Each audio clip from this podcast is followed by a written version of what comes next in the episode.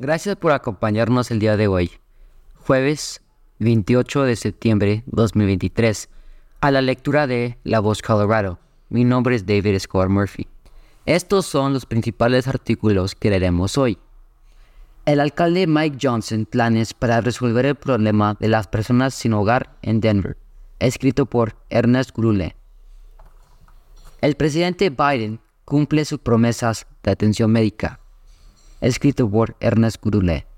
Y Nuggets y Avs retroceden en el tiempo para salvar los deportes de Colorado, escrito por Brandon Rivera. Y continuaremos con algunos artículos diversos. El alcalde Mike Johnson planes para resolver el problema de la persona sin hogar en Denver, escrito por Ernest Grule. Si bien cada uno tiene sus propias calidades y cualidades únicas, diferentes materiales, ocupantes, tamaño, lo que comparten es la realidad que los trajo a donde están. De lo que estamos hablando aquí es de los aparentemente innumerables campamentos para personas sin hogar o sin vivienda que se han convertido en características omnipresentes en casi todas las ciudades estadounidenses, incluida Denver. La comunidad sin vivienda de Denver ha plantado banderas para que el mundo las vea en las arterias más transitadas de la ciudad y en, los vecindarios, todo en un lugar plano. Sin embargo, la ciudad anunció recientemente que está previsto retirar un campamento a la sombra de la mansión del gobernador. Esta población transitoria, cuyas cifras son fuente de constante reevaluación, fue un tema importante en la candidatura del alcalde de Denver, Mike Johnson, para el puesto más alto de la ciudad. Ahora, en el cargo, el nuevo alcalde ha anunciado planes para convertir su promesa en acción.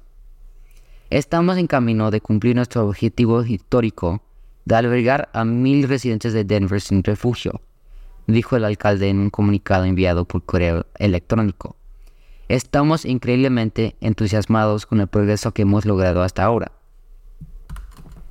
El objetivo final del alcalde dijo, es tener mil personas actualmente sin vivienda en viviendas seguras para fin de año. Además dijo, a quienes se trasladen de la calle a refugios más tradicionales se les ofrecerá acceso a capacitación laboral, apoyo de salud mental, tratamiento basado en adicciones y apoyo de vivienda a largo plazo.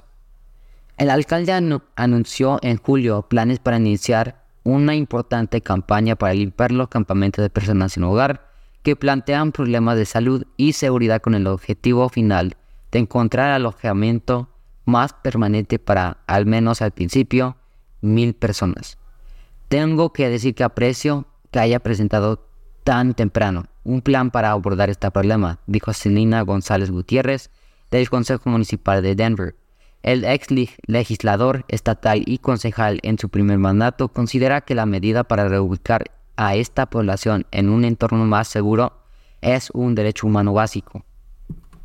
Tal como están las cosas, el alcalde está encargado a un grupo de 50 empleados de la ciudad obtener fondos para alojamiento para los primeros mil personas sin vivienda.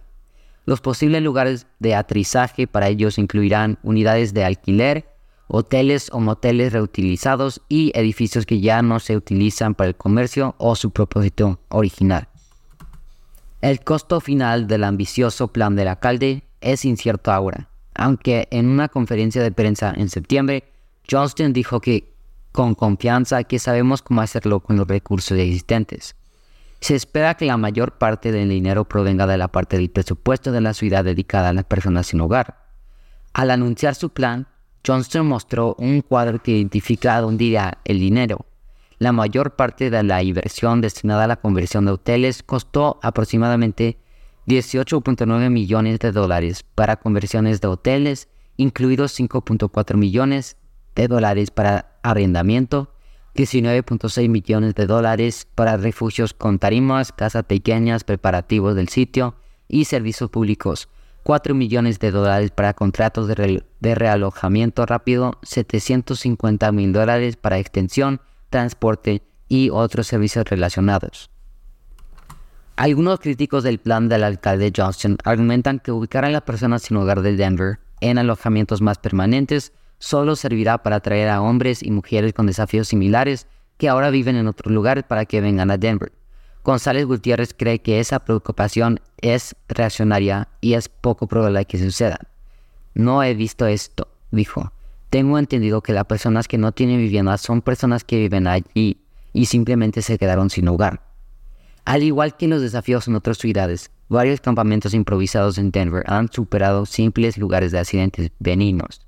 Un lugar en, 17 Avenue y Logan Street fue barrido después de un tiroteo. A la redada le siguieron ofertas de la ciudad de servicios que hicieran la reubicación un poco menos traumática, incluidos servicios de atención de salud mental. No es sorprendente que los campistas que ocupaban el lugar cuestionaran la explicación oficial de, de violencia. Mientras Johnston hacía campaña por toda la ciudad para su trabajo actual, la falta de vivienda nunca estuvo lejos de sus discursos.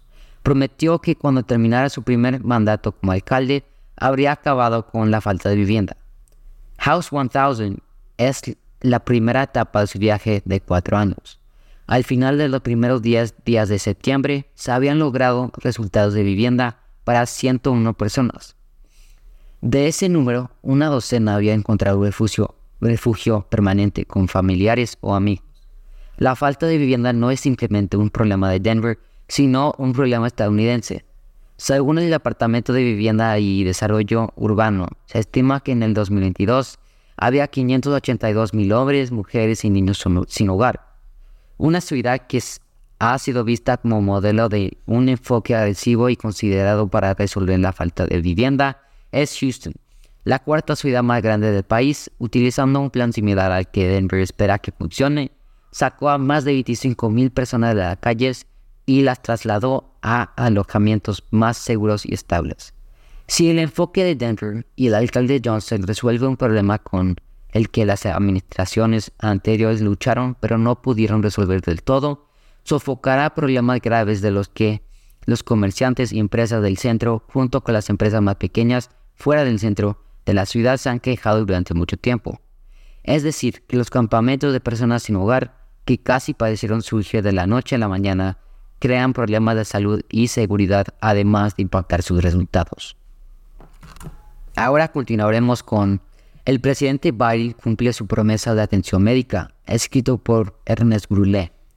Desde sus primeros días en el cargo, el presidente Biden se ha centrado en, la salud del país. Gran parte de su esfuerzo sin duda se basó en el precio de que COVID-19 ya había cobrado en el país. El día de la inauguración del 2021, el virus ya se había cobrado casi medio millón de vidas estadounidenses. La cantidad de casos de COVID documentados fue muchas veces mayor. En tan solo sus primeros 10 días en el cargo, el presidente estuvo ocupado con la atención médica y emitió una docena completa de órdenes ejecutivas memorandos y proclamaciones presidenciales, todos centrados en la salud de los estadounidenses.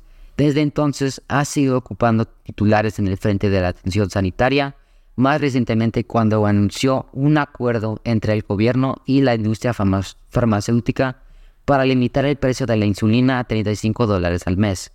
La diabetes es una epidemia en los Estados Unidos, dijo Aaron Seedorf, presidenta junta de la División de Salud Integral de la Universidad Estatal Metropolitana de Denver.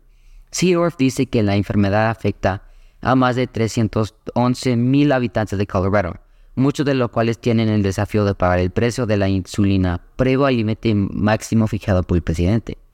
Durante la última década, los precios de la insulina se han triplicado, que algunos pacientes tienen que pagar hasta 600 dólares por un suministro mensual.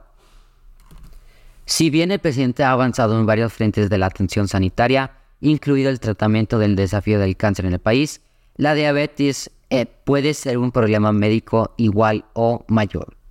Seedorf llama epidemia y pesadilla financiera a la enfermedad que impide al páncreas producir poca o ninguna insulina y provoca una acumulación de glucosa o azúcar en la sangre. Las personas con diabetes tienen gastos médicos aproximadamente dos o tres veces más altos que aquellos que no tienen diabetes, dijo. Algunas personas, muchas de ellas de edad avanzada y con ingresos, ingresos fijos, pagan hasta 600 dólares por un suministro de insulina para un mes. Además de pagar el medicamento, puede haber gastos médicos adicionales hasta mil millones de dólares en costos indirectos. También se sabe que la, que la diabetes es un factor importante en una serie de problemas de salud, incluidos accidentes cerebrovasculares, enfermedades cardíacas, amputaciones, ceguera y muerte. El senador de Colorado y exgobernador John Hickenlooper acudió al pleno del Senado para aplaudir la decisión del presidente de, reducir los precios de los medicamentos. Durante años dijo, todos hemos pagado mucho más que los otros países por los mismos medicamentos, pero ahora Medicare está dando el primer paso para poner fin a ese dominio absoluto sobre los medicamentos que salvan vidas. Hickenlooper criticó duramente, duramente a la industria farmacéutica por estafar a los estadounidenses que dependen de los medicamentos para sobrevivir. A, fines del mes pasado, el presidente Biden también anunció una lista de 10 medicamentos que ahora estarán sujetos a negociaciones con Medicare. La lista incluye insulina. Otros medicamentos a los que se dirigió el presidente incluyen los que toman las personas para sufrir accidentes cerebrovasculares, enfermedades cardíacas, coágulos sanguíneos, cáncer y más. Si bien la lista refleja la promesa del presidente de ayudar a los estadounidenses que habitualmente dejan de tomar sus medicamentos o lo racionan para ampliar su suministro, también es parte del esfuerzo de campaña de los, de los demócratas para el 2024. Durante años, los estadounidenses han viajado a Canadá para comprar sus medicamentos recetados, donde los precios son dramáticamente más bajos que en los Estados Unidos. La razón principal de esto es que el gobierno canadiense colabora directamente con las compañías farmacéuticas para negociar los precios. Si un medicamento se considera demasiado caro para los consumidores, se mantiene fuera del mercado.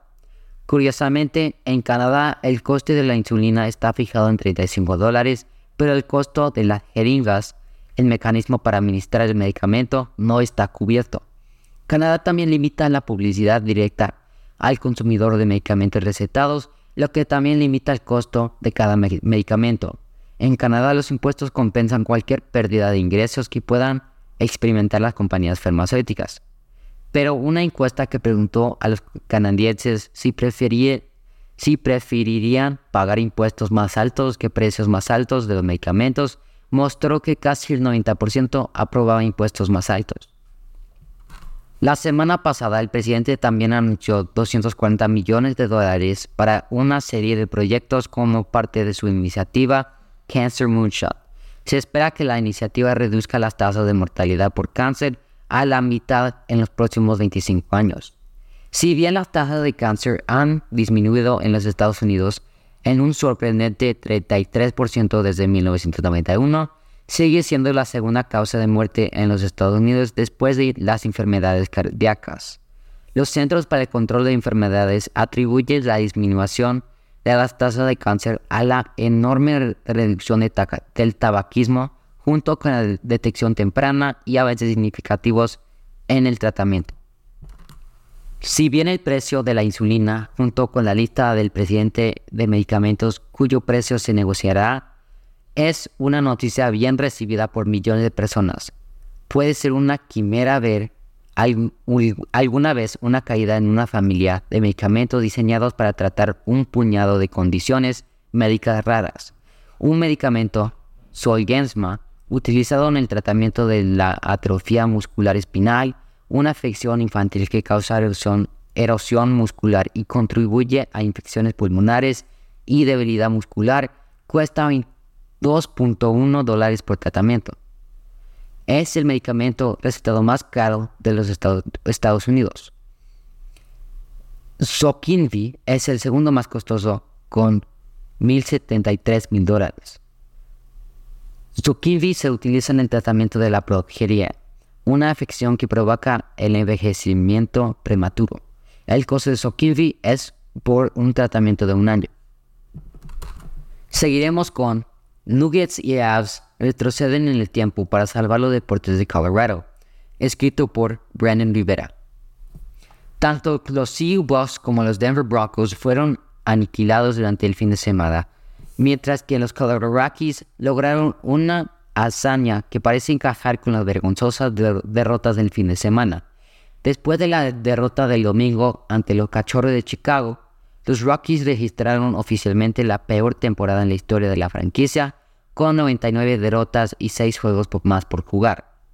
Últimamente es difícil ser fanático en el estado de Colorado, pero no todo está perdido, ya que tanto los Denver Nuggets como los Colorado Avalanche están a solo una semana de comenzar sus temporadas. Los Avalanche llevan dos juegos de pretemporada con una derrota ante los Minnesota Wild y una victoria sobre los Las Vegas Golden Knights el lunes por la noche en el Ball Arena. Los Avs iniciarán la temporada regular en Los Ángeles para enfrentar a los Kings el martes 11 de octubre a las 8 pm.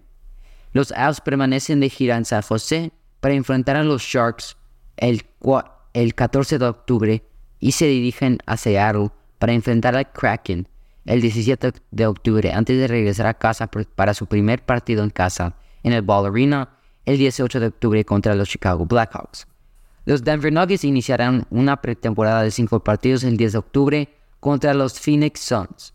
Los Nuggets iniciarán la temporada regular el 24 de octubre en casa contra los LA Lakers y se dirigen a Memphis para enfrentar a los Grizzlies el 27 de octubre. Los Nuggets son los primeros favoritos con 400 para ganar un título repetido, mientras que Colorado Avalanche también son los principales favoritos con 800 para ganar la Copa Stanley. Es un buen cambio respecto a la miseria que han soportado los fanáticos tanto de los Broncos como de los Rockies hasta ahora. El domingo, los Broncos se salvaron de la humiliación de no experimentar el mayor déficit en la historia de la NFL cuando el entrenador de los Miami Dolphins Mike McDaniel decidió arrodillarse en los últimos segundos del juego en lugar de patear un gol del campo. McDaniels creció en Denver y en un momento incluso fue recoge pelotas de los Denver Broncos.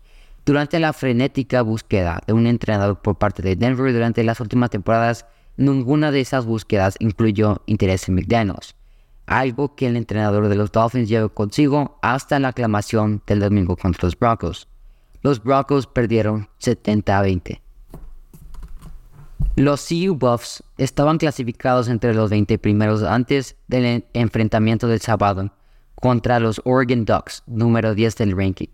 CU, viajó a Oregon y después del juego fueron grabados caminando sobre el mediocampo con el logo de Oregon, una acción tomada como una señal de falta de respeto en el fútbol, la universidad y el nivel profesional. Estaba claro que los Buffs 3 a 0 estaban superados y a punto de quedar castigados por sus tres victorias anteriores, anteriores bajo la dirección de Coach Prime. Los Buffs fueron superados 35 a 0 en la mitad y a pesar de limitar a los Ducks a solo un touchdown en la segunda mitad, la ofensiva de CU no pudo despegar. Después de la derrota del sábado, los CU Buffs quedaron fuera del top 25. Los Buffs tienen una tarea aún más difícil esta semana cuando regresan a casa para recibir a los Trojans número 8 de la UCC en Folsom Field. Los Trojans promedian 55 puntos por partido en los últimos cuatro partidos.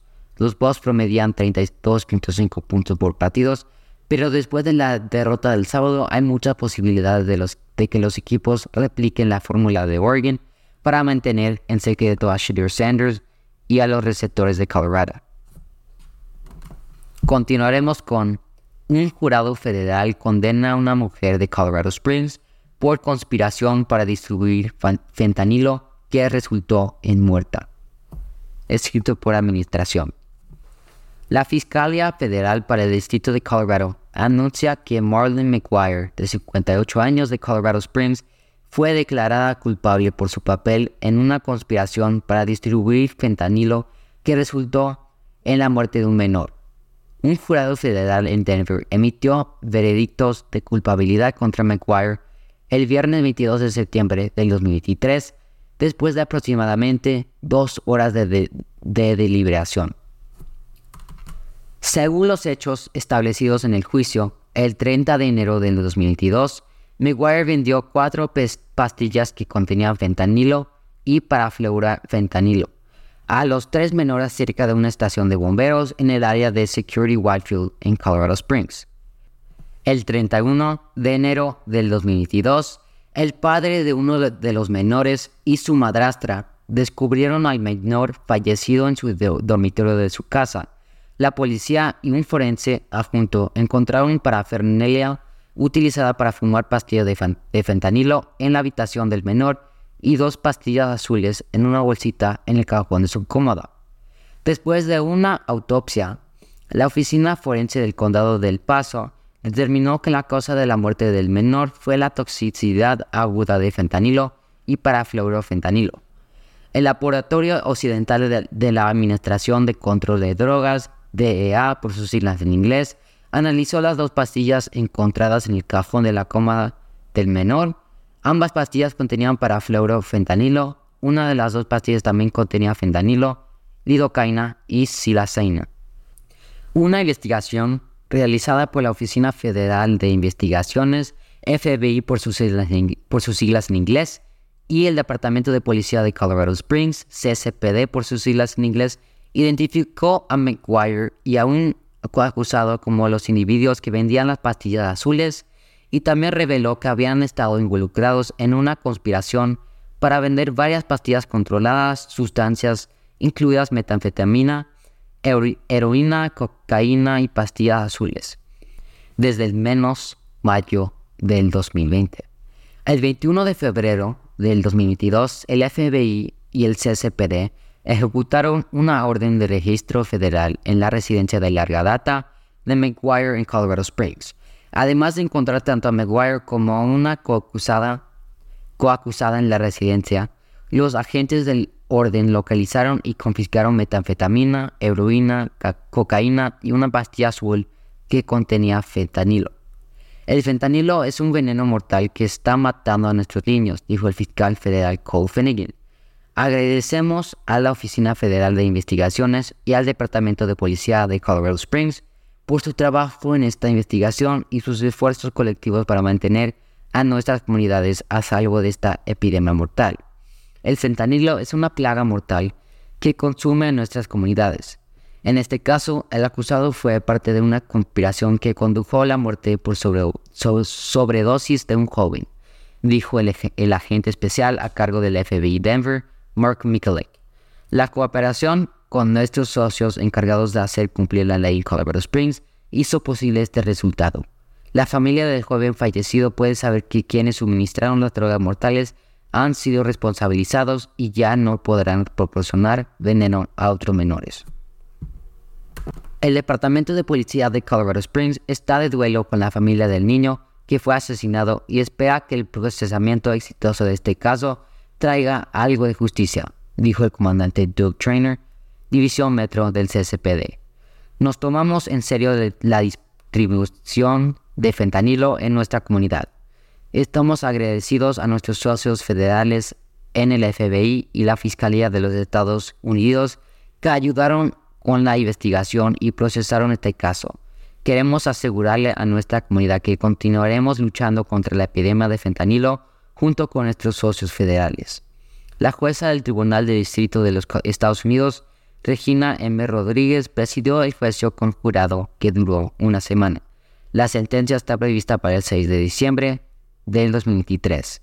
El FBI y el Departamento de Policía en Colorado Springs llevaron a cabo la investigación. Los fiscales federales adjuntos Alice Mans y Peter McNally se encargaron de la acusación. Ya está aquí una nueva variante de COVID. Prepárate. Escrito por Ernest Grule. Ese frío de la mañana que ha sacado las mantas del almacenamiento es una señal de que las estaciones están cambiando. Otras son las publicaciones de los departamentos de salud locales de que estamos entrando en la temporada de resfriados, gripe y COVID. Hay una nueva variante de COVID en camino, de hecho ya está aquí. Si bien hemos aprendido cuán mortal puede ser un virus, la pandemia nos, enseñó mucho. Los funcionarios de salud pública no creen que esta nueva variante tenga un impacto cercano al del COVID-19. Puso a la nación de rodillas, trastornando la vida estadounidense, todo desde la educación hasta la economía. Durante un periodo de más de dos años a partir del 2020, la pandemia mató a más de un millón de estadounidenses y se estima que otros 15 millones en todo el mundo. También dejó a millones de personas con problemas de salud a largo plazo. No es momento de entrar en pánico, dijo Alicia Solís del condado de Pueblo, pero sería prudente prestar atención. Toda la información que he recibido, dijo Solís, gerente del programa del condado de Pueblo, en la Oficina de Enfermedades Transmisibles y Emergencias y Respuesta. Dice que estamos en bastante buena situación. El especialista en enfermedades transmisibles, sin embargo, no llega a insinuar que estamos a salvo. De hecho, Solís sugiere volver a la mejor práctica de la pandemia. Lávese las manos con, con regularidad, use cubrebocas y desinfecte las superficies. Solo para estar seguro, sugiere. Además, cuando haya una vacuna disponible, considere seriamente vacunarse. Los Centros para el Control de Enfermedades recomiendan la vacuna para todas las personas de 6 meses de edad o más. El Departamento de Salud Pública y Medio Ambiente de Colorado registró poco más de 63 mil casos de COVID-19 en el condado de Pueblo con 900 muertes. Hubo 14.502 muertes en todo el estado. Solis dijo que la mayoría de las muertes por COVID fueron adultos mayores. Ningún condado escapó a la ira del COVID. El condado de Alamosa, el centro neurológico del Valle de San Luis, también fue el más afectado por los virus. El condado, con una población de poco más de 16.000 habitantes, informó 6.080 casos de COVID y 69 muertes. Si bien la vida prácticamente ha vuelto a la normalidad en este país, el COVID sigue siendo una realidad cotidiana. El nuevo virus, bautizado ARES por, por los CDC, por sus siglas en inglés, representó el 21% de todos los casos actuales de COVID en Estados Unidos a principios de septiembre. En total, nueve estados de Estados Unidos se han convertido en puntos de aterrizaje para la nueva variante, incluido Colorado. Solís de Pueblo, de quinta generación, advierte contra cualquiera que piense que la nueva variante presagia algo parecido a la era de COVID. Aún así, recuerda bien haberse sentido un poco insegura cuando comenzaron a llegar informes sobre un virus previamente desconocido de China. Lo recuerdo como si fuera ayer, dijo el funcionario de, la, salud pública. A finales de noviembre del 2019, recordó, hubo informes sobre un nuevo virus emergente. En poco tiempo comenzó a leer que el virus aún no identificado se estaba acercando. Justo cuando las agencias de salud mundiales comenzaron a contar los casos a nivel mundial, alrededor de marzo, fue lo recibió su primer caso. Lo que no sabíamos es qué dirección tomaría. Pronto su ciudad y todo el país se enterarían. Actualmente, la Administración de Alimentos y Medicamentos está trabajando con los fabricantes de vacunas para garantizar que la nueva inyección cumpla con todos los requisitos de seguridad, pero no se ha anunciado la fecha en que estará disponible para el público. Si bien los expertos en salud esperan una fecha de lanzamiento que supere la llegada de la temporada de, resfriados y gripe, generalmente a mediados de noviembre, su fecha de llegada sigue siendo desconocida. Una gran razón de preocupación es que la eficacia de la inyección no suele manifestarse hasta dos semanas después de la inoculación. Pero a favor del público, dicen los médicos, es que muchos, si no la mayoría de los estadounidenses, se dirigen a la temporada de resfriados y gripe con cierto grado de inmunidad tras las vacunas anti-COVID anteriores. Los esfuerzos del condado para vacunar a los ciudadanos no salieron tan bien como hubiera gustado, dijo Solís. Los sitios establecidos para la vacunación tenían personal del ejército y de las fuerzas de los, órdenes locales cerca. Su presencia, dijo, disuadió a mucha gente de, vacunarse. Comenzamos a aplicar inyecciones en lugares más pequeños. Al final, al departamento le hubiera, le hubiera gastado, le hubiera gustado llegar a más personas. Cuando la vacuna para la nueva variante está disponible, Solís dijo que un elemento del plan para vacunar a las personas es crear sitios en lugares más pequeños, incluso ir a donde la gente trabaja, la gente trabaja y dárselas a los empleados. Gracias por acompañarnos en esta edición de La Voz Colorado. Mi nombre es David Escobar Murphy.